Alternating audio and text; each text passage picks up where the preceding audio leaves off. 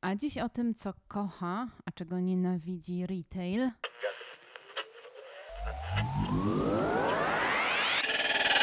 To są zakłócenia. Nie reguluj odbiornika. Możliwe, że zakłócenia to najlepsze, co możecie spotkać. Czasem to jedyna droga rozwoju. Michalina Szczepańska i Bartosz Ziółek rozmawiają o szansach, jakie przynoszą anomalie. A retail i kocha, i nienawidzi innowacji. Kocha, bo innowacje, czy też nowości produktowe, bo oczywiście tu długo można dyskutować o tym, co innowacją jest, a co jest po prostu nowymi szatami dla starego produktu. Tak czy siak, nowość produktowa oznacza przynajmniej przez te pierwsze miesiące wyższe marże, wyższą cenę, potencjalne zainteresowanie konsumentów podkręcone tym, że producenci też inwestują kampanie reklamowe innowacji, więc wspaniale. A nie wspaniałe jest to, że to oczywiście kolejny produkt, dla którego trzeba znaleźć miejsce na półce, a wbrew temu, co się wielu wydaje, no sklep nie jest z gumy i coś trzeba z tej półki najczęściej zdjąć. I też bardzo ciekawy jest e, sposób patrzenia na innowacje, szczególnie w naszej części świata, bo my chcemy widzieć tę innowację przez pryzmat innowatorów. Każdy chce mieć w swojej e, firmie Elona Muska, e, który będzie tworzył konkretne rozwiązania e, i taką perspektywę, która też wydaje się być dla nas bardzo naturalna, że innowacje i poziom innowacyjności gospodarek zależy od liczby patentów, ilości unicornów, które są na rynku, wartości inwestycji czy No, liczby, liczby uczelni. masków, tak? No i właśnie, i liczby masków, czyli mm, liczby em, takiego tego przebłysku e, pojawiającego się raz na kilka tysięcy narodzeń, e, takiego przebłysku geniuszu, e, który pozwala przezwyciężać e, tą taką smołę codzienności e, i pozwalać faktycznie rzucić e, nowe światło na sposób zastosowania produktów. E, I tak też e, przez lata, przez dziesięciolecia właściwie badano tą, ten poziom innowacyjności. A ja mam taki pomysł, żebyśmy dzisiaj spojrzeli na to trochę inaczej. I to inne spojrzenie byłoby taką perspektywą, e, w której użyjmy na chwilę miernika, e, który jest dosyć uniwersalny na całym świecie, e, bo PKB czy GDP faktycznie w każdym kraju e, na świecie się porównuje, e, bada e, i no, ta informacja jest jakoś e, powszechnie dostępna. No tylko co e, PKB ma wspólnego z innowacyjnością? No właśnie, do tego za moment dojdziemy, e, bo będziemy patrzyli na tą innowacyjność e, z perspektywy e, człowieka, który się urodził w 1990 roku, czyli millennials albo pokolenie Z już później. E, I spójrzmy na to tak, że ile, ilokrotnie wzrosło PKB w poszczególnych krajach, szczególnie w tych, które są widziane jako liderzy innowacji i zastanówmy się, w jaki sposób e, ten zmieniający się świat, e, ta rosnąca gospodarka wpłynęło na percepcję tego milenialsa, e, gdzie na przykład w Stanach Zjednoczonych e, krotność wzrostu PKB e, w tych 30 latach e, to 2,2, czyli możemy przyjąć, że e, jeśli ojciec takiego milenialsa w 30 roku życia mógł sobie pozwolić na 200-metrowy dom, to e, w olbrzymim e, skrócie myślowym i uproszczeniu taki milenial w swoim 30 roku życia będzie w Stanach mógł sobie kupić taki 420-metrowy dom i faktycznie te wszystkie inne dobra na poziomie pojedynczego mieszkańca no w takim współczynniku wzrosły. I Patrząc na Kanadę, Brazylię, Niemcy czy Szwajcarię, no ten współczynnik oscyluje w okolicach właśnie e, dwukrotności. E, Jak myślisz, Michalina, ile em, PKB, ilukrotnie wzrosło PKB w Chin w trakcie życia tego milenialsa? Dwucyfrowo, dziesięciokrotnie. Dwucyfrowo tak, dziesięciokrotnie nie, dlatego że w Chinach em, ten przyrost był 32-krotny. Czyli e, człowiek, który urodził się Weźmy na przykład moją e, przyjaciółkę Lin e, z Mejszanu, która urodziła się w 1990 roku. E, w małej wiosce, która e, w 1990 roku nie miała nawet e, infrastruktury kanalizacyjnej, e, właściwie można powiedzieć, że przypominała właśnie taki zmitologizowany obraz, obraz e, chińskiej wsi. Już pięć lat później e, z tej wioski mieszkała w miasteczku, które e, miało e, drogi, e, miało komunikację miejską. Jak miała 10 lat, e, to mieszkała już w mieście, które miało trzy, stacje, trzy linie metra, e, miało dużą stację kolejową, e, a jak miała lat 15, e, to jej świat, właściwie z perspektywy Europejczyka, był światłem, światem metropolii kilkumilionowej. I niezależnie od tego, jak będziemy próbować się przyglądać temu wskaźnikowi, to po prostu jej życie w tym okresie zmieniło się całkowicie. I teraz, mając z tyłu głowy e, ten olbrzymi przeskok, e, taki operacyjny, który e, musiała jej zdolność adaptacji i, i, i jakiej akceptacji tego, że codziennie jest coś nowego, to mając to z tyłu głowy, zastanówmy się, jaką drogę przeszedł niemiecki, czy szwajcarski, czy nawet izraelski millennials, którego świat zmienił się dwu, trzykrotnie. E, I pod wieloma względami ta zmiana e, faktycznie też odbiła się na sposobie, w jaki dzisiaj te społeczeństwa absorbują innowacje. I tutaj pojawia się taki, takie pojęcie, które e, uważam, że dla sposobu e, obsługi innowacji będzie absolutnie kluczowe. Pojęcie hiperadaptywności.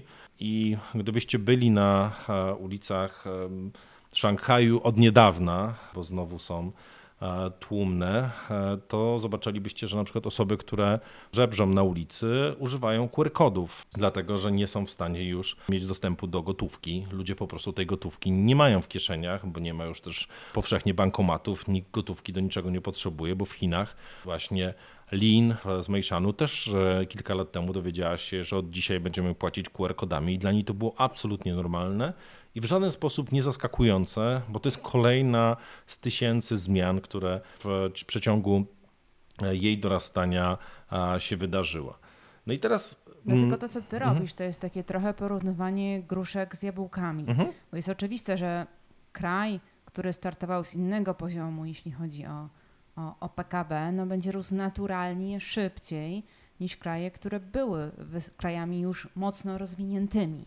Najprawdopodobniej w nas w najbliższych dekadach, prawie na pewno, nie wydarzy się już, bo też nie wydarzy się w Chinach, e, wychowanie e, pokolenia, które będzie doświadczało tak olbrzymiej zmiany.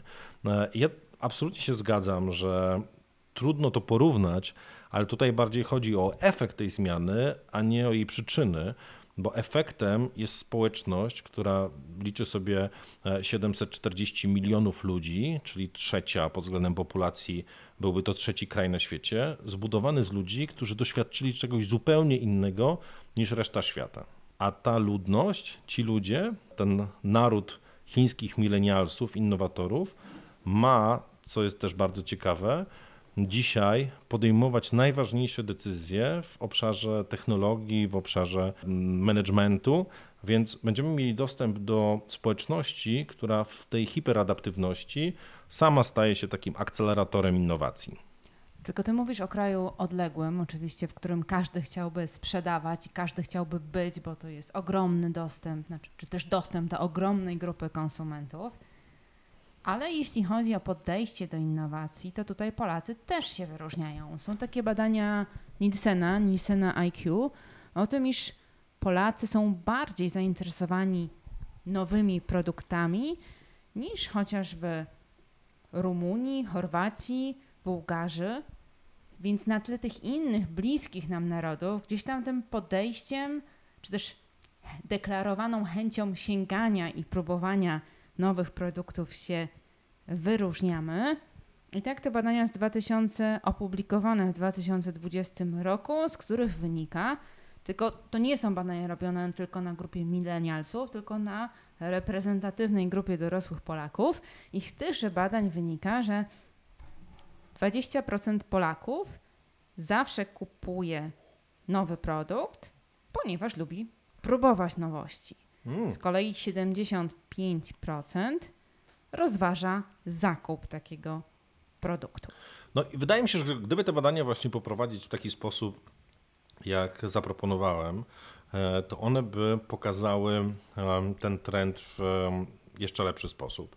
Dlatego, że Polska, e, i trochę dlatego o tym mówimy, e, no, w tym współczynniku krotności zmiany PKB w czasie życia millennialsa jest na drugim miejscu na świecie, na drugim za Chinami, e, z dziewięciokrotnością. Czyli gdybyśmy porównali to z Ameryką 2,2 czy Niemcami 2,1, to ta dziewięciokrotność dokładnie tworzy e, tą samą, ten sam mechanizm, trochę słabszy, ale mm, też uważam, że Polska ma najbardziej innowacyjną, nie, nie, nie, nie właśnie najbardziej innowacyjnych aktorów na scenie, ale najbardziej innowacyjną publiczność.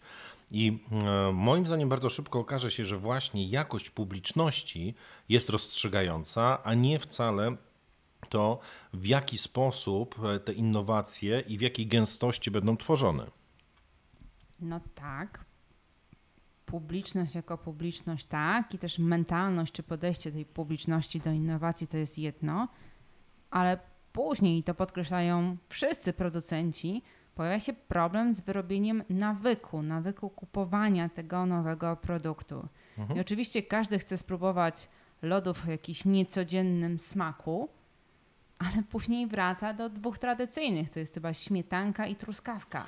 I każdy producent musi mieć, też warto by miał, coś takiego nietypowego w portfolio, ale to nie na tym zrobi obrót. I oczywiście możesz to od razu spuentować tym, ha, ha, ha, to nie chodzi o lody, ale miliardy, które wydajemy na produkty FMCG, to jest ogromne pole do zagospodarowania. Tu pojawia się mnóstwo tych innowacji, które oczywiście nie są komputerem czy telefonem komórkowym, ale są czymś, co potrafi zmienić obraz rynku.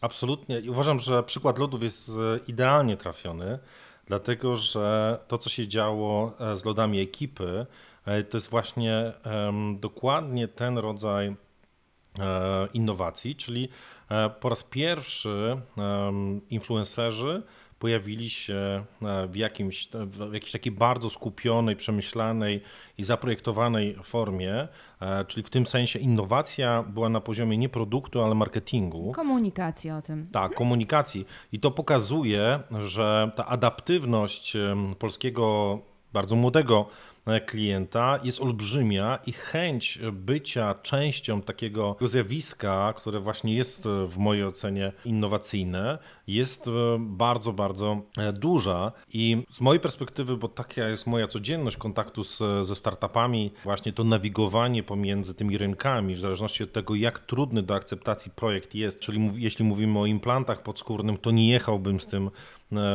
produktem, e, nie debiutowałbym w Niemczech, e, a raczej właśnie w Polsce albo w Chinach, ale jeśli A produkt... ja bym nigdzie nie debiutowała z implantem podskórnym. Zresztą o takim implancie płatniczym dyskutujemy w jednym z odcinków. to Jest prawda? Mhm. to przykład skrajny absolutnie. Natomiast innowacje i, i taka codzienność, codzienność retailu, to nie są takie skrajne przykłady. To są właśnie lody ekipa, które wspomniałeś. To Mhm. jest jakaś drobna zmiana składu.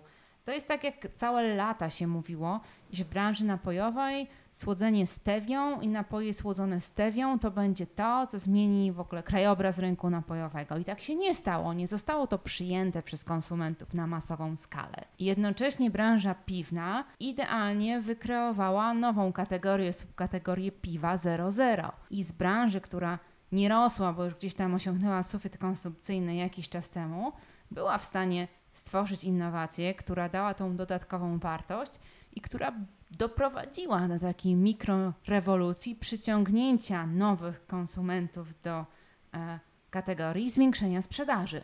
Tak, ja takie zmiękczenie widziałbym bardziej e, i coś, co jest przegapianą e, cały czas moim zdaniem przez szczególnie producentów napoju e, innowacją, to jest opakowanie, dlatego że jest mnóstwo już rozwiązań opartych o RFID, które dają e, różne fajne funkcjonalności opakowaniom e, napojowym i bardziej mówię o tym, że może zainwestowanie jakieś w badania e, albo po prostu używanie e, znanych na świecie, ale nie w Polsce, e, innych form otwarć e, napoi e, gazowanych dałoby więcej niż wprowadzanie kolejnego marakujowego smaku.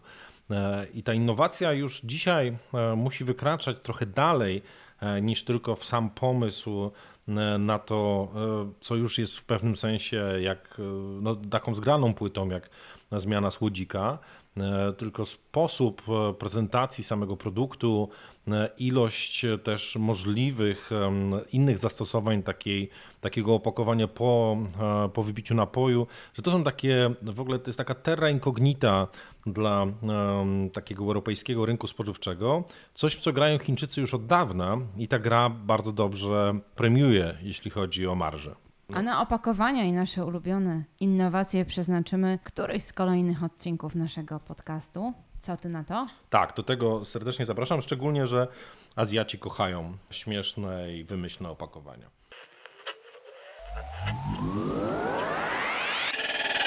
To są zakłócenia. Nie reguluj odbiornika. Możliwe, że zakłócenia to najlepsze, co możecie spotkać. Czasem to jedyna droga rozwoju. Michalina Szczepańska i Bartosz Ziółek rozmawiają o szansach, jakie przynoszą anomalie. Partnerami podcastu Zakłócenia są miesięcznik Handel i portal handelextra.pl.